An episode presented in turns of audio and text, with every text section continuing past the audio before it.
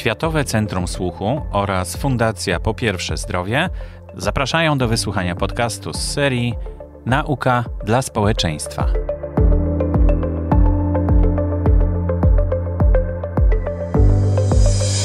Gościem odcinka jest profesor doktor habilitowany nauk medycznych i nauk o zdrowiu, magister zarządzania Piotr Henryk Skarżyński.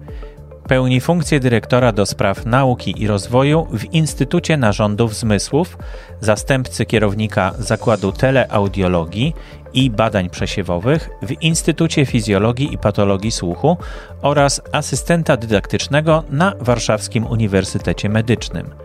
Jest specjalistą otolaryngologiem, otolaryngologiem dziecięcym oraz audiologiem i foniatrą. Wyrazem jego aktywności naukowej jest realizacja kilkudziesięciu krajowych i międzynarodowych projektów badawczych, aktywne uczestnictwo w ponad 1800 konferencjach i warsztatach oraz autorstwo lub współautorstwo ponad 980 publikacji. Koordynuje i zarządza krajowymi i międzynarodowymi projektami związanymi z telemedycyną, e-zdrowiem, w tym telekonsultacjami, telerehabilitacją i zdalnym ustawieniem systemów implantów słuchowych w krajach Europy, Azji i Afryki. Koordynuje także wieloaspektową procedurę zdalnego dopasowania systemów implantów słuchowych we współpracy z oddziałami krajowymi i zagranicą. Jest również członkiem grupy badawczej Krajowej Sieci Teleaudiologii.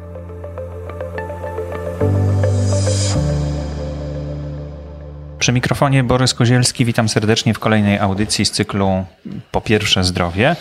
Dziś e, do mikrofonu zaprosiłem Piotra, pana profesora Piotra Skarżyńskiego. Będziemy rozmawiać o zastosowaniach nowoczesnych technologii w leczeniu wad słuchu e, w implantach i o implantach słuchowych. Będzie to część pierwsza rozmowy na ten temat.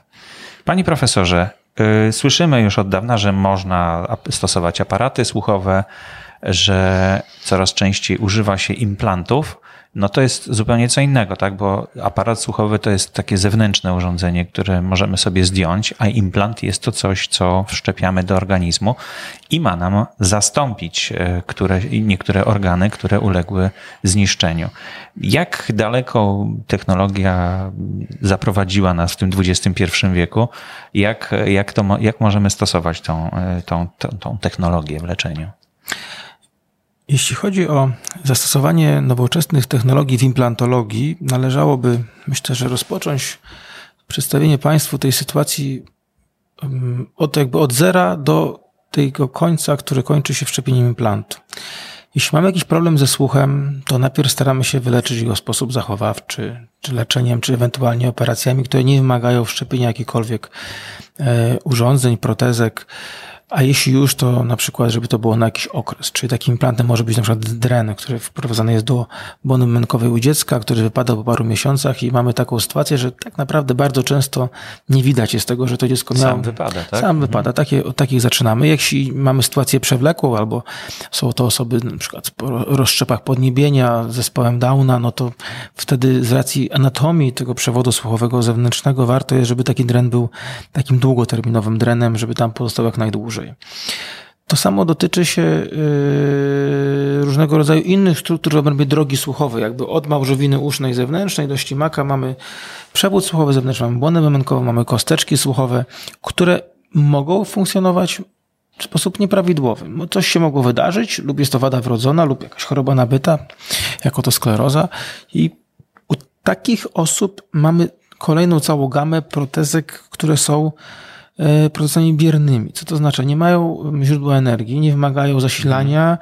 E, ostatnio najwięcej stosujemy takich protezek z, z tytanu. Jest to najbardziej biozgodny materiał, ale są też inne materiały i w tej dziedzinie rzeczywiście materiałoznawstwo i e, różnego rodzaju metale, które były stosowane kiedyś od tantalu, potem przez stal medyczną.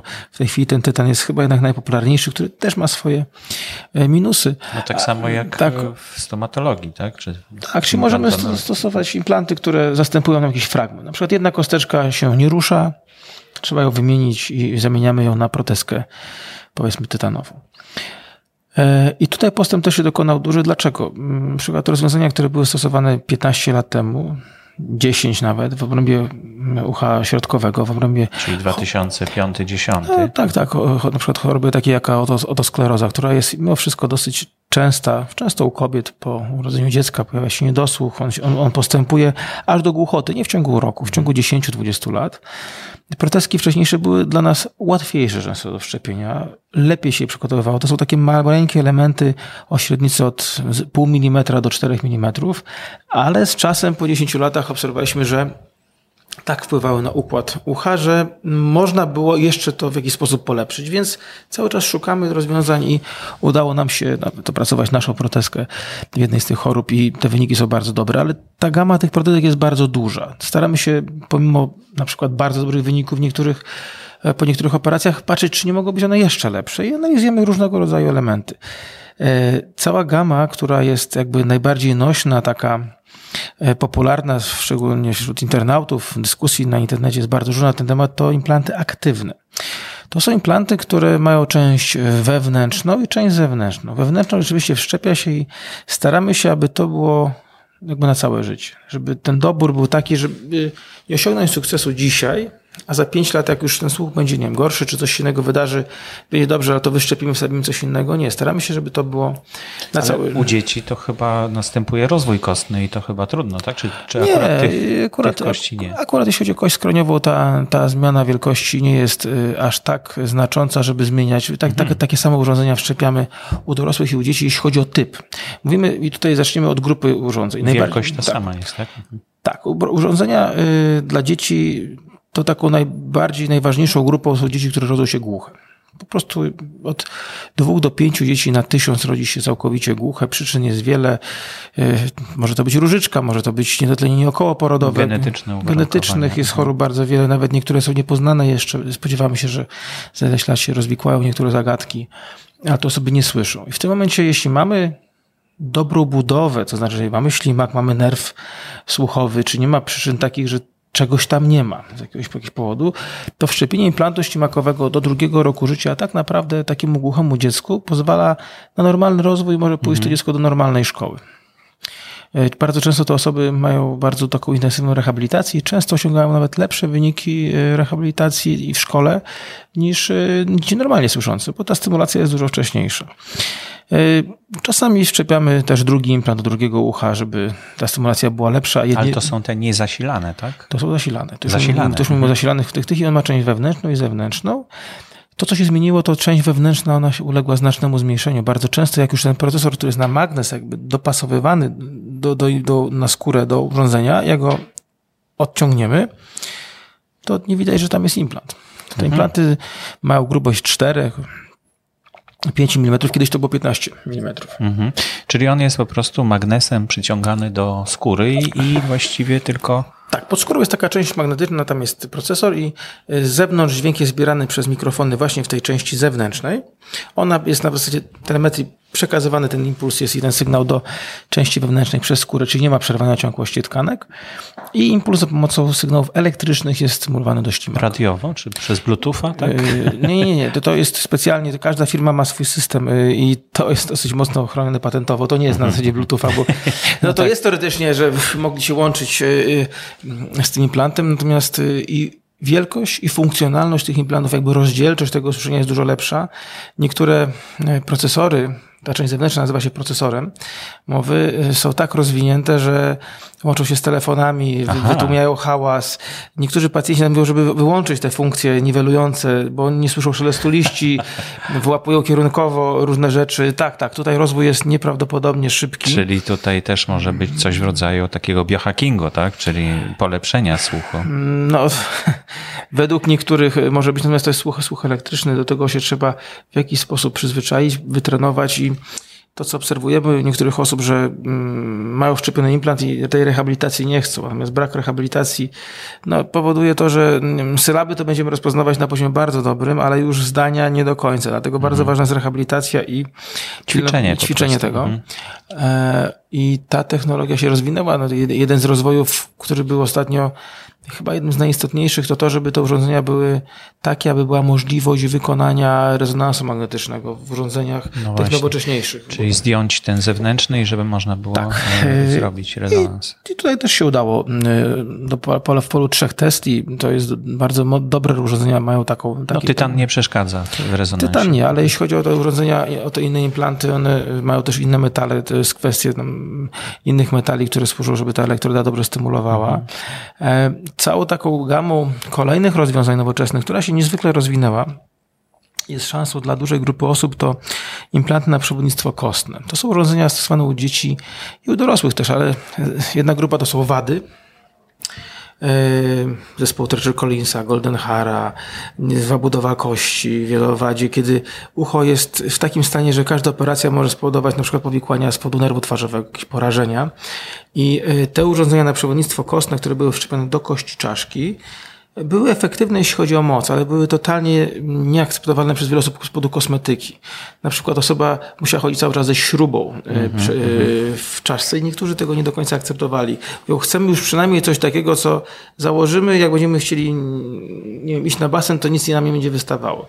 Więc wielkość tych urządzeń też zmalała, no, do, wręcz do 4,5 mm z 10. To są mm -hmm. bardzo duże różnice i otworzyło to E, taką ogromną drogę. W sumie pod tym względem jesteśmy liderami, jeśli chodzi o świat, jeśli chodzi o leczenie tych wszystkich wad. E, I w szczególności te dzieci no, zupełnie inaczej funkcjonują. Do tej pory musiały nosić na opaskach takie rozwiązania, które dawały stymulację, ale bardzo często nie było ona wystarczająca do normalnego mhm. rozwoju.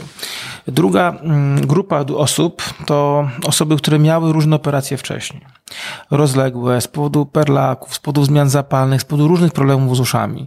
Często trzeba było usunąć część y, kosteczek słuchowych, część ucha i wydawało się, że dla tych osób nie ma szans. No, zostaje aparat słuchowy, który często nie zdawał y, swojego zadania, bo to ucho często było wilgotne, przez aparat robiły się stany zapalne i u tych osób to jest, jest szansa, że te osoby będą praktycznie normalnie słyszeć. Y, po wszczepieniu implantów. Po wszczepieniu tak. implantów, który nie ingeruje w tą część wewnętrzną, mhm. tylko jest w kości czaszki.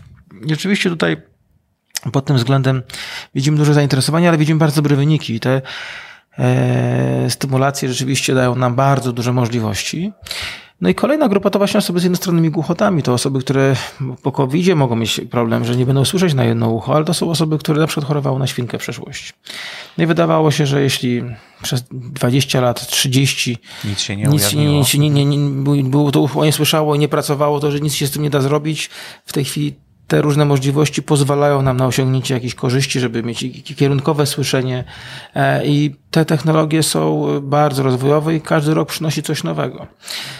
Drugą grupą rzeczy, które są niewszczepiane, są aparaty słuchowe, które rozwijają się bardzo szybko. E, I tu obserwujemy taką sytuację, akurat w Polsce, ona też jest w innych krajach, następna, że osoby często nie chcą nosić aparatu słuchowego, bo on jest dofinansowywany przez NFZ, nie jest w całości refundowany. I mówią, to my wolimy poczekać w kolejce też 5 lat czy 4, ale mieć finansowany implant. I bardzo często, kiedy podczas A. tłumaczenia mówimy, ok, implant będzie refinansowany, bo jest taka możliwość przez NFZ, ale do baterii nikt nie kupi e, refundowanych i czasami utrzymanie implantu jest dużo droższe niż aparatu słuchowego, więc warto, żeby osoby, które mają jakieś problemy z słuchem, nosiły, stymulowały tą korę słuchową, żeby ona w jakiś sposób funkcjonowała, bo jeśli nie będzie funkcjonować, to potem mówimy, że my osiągniemy, że jakiś efekt będzie, mhm. ale on będzie dużo mniejszy. Więc nie warto z tym czekać yy, i warto... No to może szybko się pogorszyć, tak? Tak, tak. Jest też taka, taka nie do końca czasami przyjemna sytuacja dla nas jako specjalistów, bo zawsze ideą tego, co staraliśmy się robić w kajetanach i w ośrodkach współpracujących w Polsce było to, że pacjent jakby mógł w ramach naszej działalności otrzymać wsparcie w każdej dziedzinie, czy, czy to będzie operacja, czy to będzie implant, czy to będzie aparat, żeby był pod, pod, pod opieką i żebyśmy mogli mu pomóc, jak coś się będzie pogarszać na innych polach, to osoby na przykład... Yy, mają już wskazanie do implantu, bo wiadomo, że ten niedosług jest tak znaczący, że nie da rady tutaj y, żadnym aparatem tego tak wzmocnić, ale próbują nosić aparaty, są niezadowoleni. Mówią, no, że płaciliśmy ogromne pieniądze, to nam nie pomaga. Zaczynają się duże problemy natury psychologicznej, kiedy mm, y, osoby przestają ufać jakby w to, co możemy zrobić i się wycofują. I to jest takie najgorsze, kiedy taka osoba przychodzi wycofana często z dzieckiem, które mówi, No, przyszłam z mamą, bo chciałabym, żeby e, słyszała, co wnuki do niej mówią. Myśmy e, takich sytuacji bardzo wiele i e, bardzo staramy się na to zwracać uwagę, żeby to był też kontekst społeczny, wytłumaczyć kontekst utrzymania tych urządzeń. Była taka sytuacja wiele lat temu w Niemczech, jeden z ośrodków szczepiał implanty osobom z jednostronnymi głuchotami i mieli 40% osób, które z tego nie korzystały później. I na jednej z konferencji stanąłem, mówię, Szanowni Państwo, no powiedzenie, że system służby zdrowia i finansowania mhm. tak naprawdę sponsoruje, dotuje osoby e, rozwiązaniami za 100, 120 tysięcy złotych i potem ktoś z tego nie korzysta, no byłoby to samobójstwem. No tak, tak tego nie można zrobić, więc szukaliśmy zanim tą grupę, żeśmy operowali takich pacjentów, co możemy zrobić, jak poprowadzić rehabilitację i jakich pacjentów ewentualnie wykluczyć lub poczekać z zastosowaniem takich rozwiązań, żeby jednak z tego korzyść była, żebyśmy dobierali te rozwiązania tym osobom, które z tego skorzystają. I tutaj świadomość też w ostatnich latach się bardzo zwiększyła. Bardzo często osoby są przygotowane. Częściej przychodzą przygotowane i mówią, że chcą mieć procesor takiej czy innej firmy, bo na przykład no, narzędzia marketingowe są bardzo dobre, że tutaj coś mówią, mówię, że... Więcej w internecie przeczytali. Tak, mówię, że to rozwiązanie tak? jest dobre, ale nam zależy, żeby jak coś szczepiamy, to żeby to było do końca życia. Na przykład, żeby zachować struktury i te resztki słuchowe, które są. Czyli nie uszkodzić tego, co jeszcze zostało. I myślę, że coś, na co wiele osób nie zwraca uwagi, to to, że jak się pojawi jakaś terapia, nie wiem, genowa za 20 lat, to że będzie można usunąć to urządzenie bez jakiejś większej, wielkiej mhm, traumatyzacji. Mhm. Są takie rozwiązania, które łatwiej się niektórym chirurgom szczepia, szybciej, dają niby lepsze efekty, ale jak ktoś miał okazję usuwać taki implant, na przykład dziecko, no rodzice się do tego często nie przyznają, uderzyło się, spadło głową, coś, coś się wydarzyło, co spowodowało dysfunkcję tego urządzenia i musimy je usunąć, wymienić na inne, często w ramach gwarancji, żeby tutaj jeszcze to dziecko miało tą, tą, tą korzyść, to... Mm, to wiemy, co to może oznaczać. Często że oznacza usunięcie, wyrywanie tego narządu. Więc patrzymy jakby na te trzy aspekty, bo w przyszłości może być coś, co spowoduje, że będzie inna metoda. I tak, trzeba może rewolucyjnie to teraz się dużo rzeczy dzieje. Tak, właśnie. i może warto zostawić też dla innych specjalistów na przyszłość takie pole, żeby nie, nie odebrać szansy tym osobom mhm. na coś w przyszłości, coś, co dzisiaj się wydaje totalnie nierealne. E, warto jest przeanalizować, czy to nam pomoże czy możemy y, spowodować, że będziemy funkcjonowali w normalnym środowisku. To bardzo często towarzyszy nam w wielu, rozmowach. Naszym celem jest, żeby pańskie dziecko poszło do normalnego przedszkola, do normalnej szkoły. Często wybieramy okres interwencji, żeby on był na przykład przy przejściu z jednej placówki edukacyjnej do drugiej, żeby dziecko, które mhm. trafia do przedszkola, już to rozwiązanie znało i w tym momencie, w tym środowisku dzieci mówią, a Zosia już miała to urządzenie, jak, jak, jak przyszła i no wszyscy tak. wiedzą, i nie jest że się pojawia. Więc... No ja wiem, że dzieci już się zaczynają chwalić tymi urządzeniami, bo robią naklejki, jakieś e, są ładne elementy z tego się Paski, tworzą. naklejki, e, mhm. dodatkowe gwiazdki. Rzeczywiście e, myślę, że wszystkie rozwiązania z obrębie słuchu i ucha. No a te możliwości odbierania telefonów no, będą, będą, będą zyskiwały coraz większą akceptację.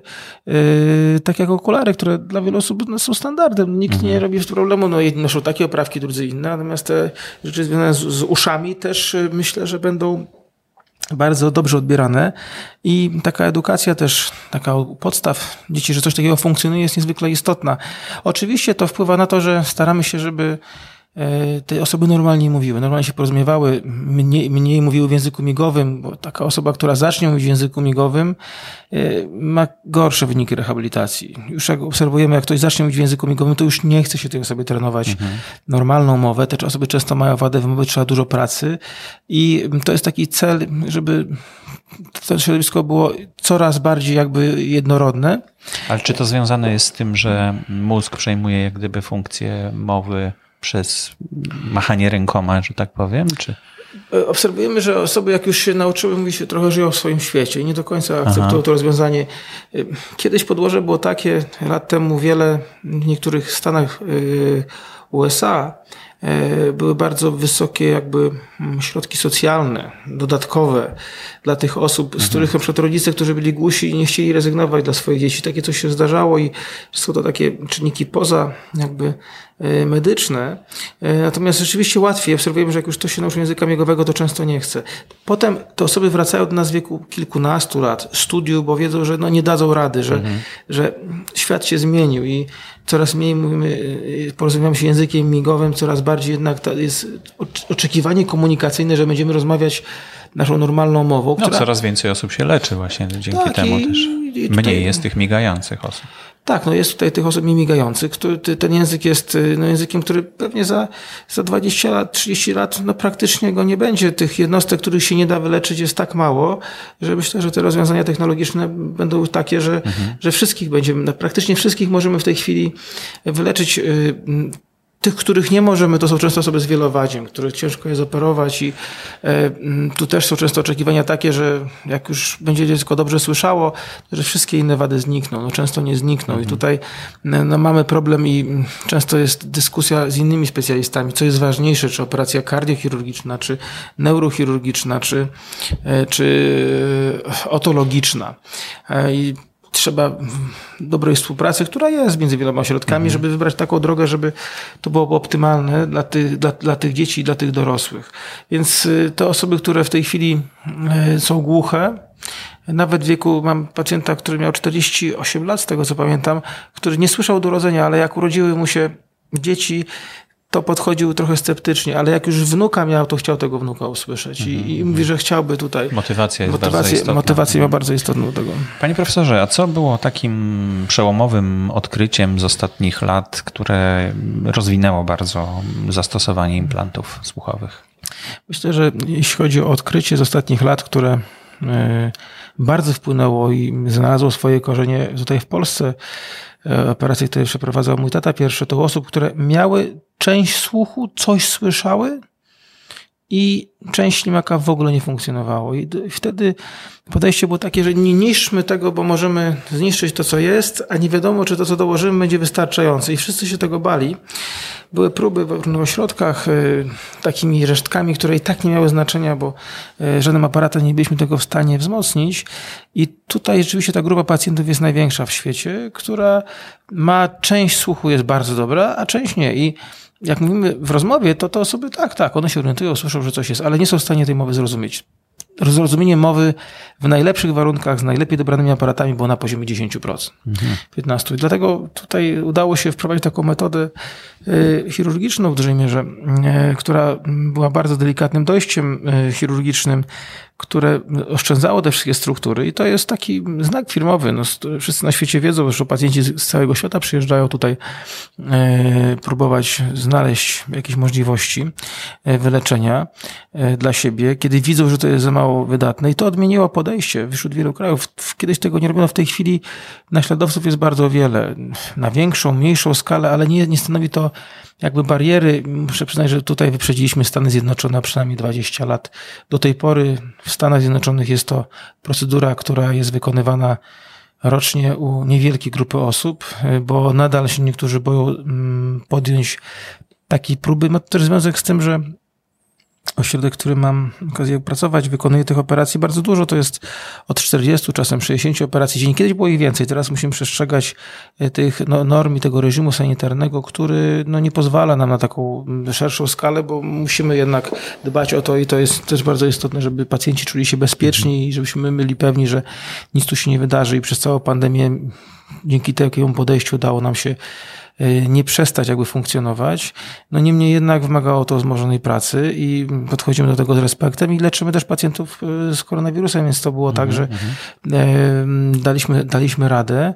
Natomiast to doświadczenie i, i ilości tych zabiegów pozwalają na w miarę bezpieczne prowadzenie takich programów, które są no, pewnym wyzwaniem. No, jeśli robimy czegoś dużo, no to możemy robić to lepiej. E, zmodyfikowaliśmy różnego rodzaju podejścia w trakcie ostatnich lat i tutaj e, niektóre wady, jeśli chodzi o te wady wrodzone kości, wady wrodzone twarzy, też wiele lat temu były praktycznie chirurgicznie trudne do wyleczenia. W ostatnim roku mamy taką grupę bardzo dużą, największą w świecie, różnych zespołów, które nie były operowane, bo wszyscy się bali, nie wiedzieli jak do tego podejść, ale połączenie pewnych technologicznych nowych osiągnięć, miniaturyzacja tych urządzeń, lepsza ich funkcjonalność plus to doświadczenie pozwala te nowe terapie wprowadzać i w sumie mm, efekt jest tego taki, że wszystkie podmioty na świecie, zespoły badawcze, które pracują i chcą coś w praktyce prowadzić, w jakiś sposób ocierają się od nas lub y, y, starają się zrobić coś z nami, po to, żeby jeszcze lepiej dopracować swoje możliwości i dzięki temu polscy pacjenci mają dostęp do tak naprawdę wszystkich nowoczesnych technologii. One są e, często dla dużej grupy osób, często dla mniejszej grupy pacjentów, ale coraz większa grupa osób uzyskuje albo terapię, która wcześniej była niedostępna, albo jeśli była jakaś, to, to może być ona bardziej efektywna. Mhm. Ze Światowego Centrum Słuchu w Kajetanach pan profesor Piotr Skarżyński. Dziękuję bardzo. Dziękuję bardzo.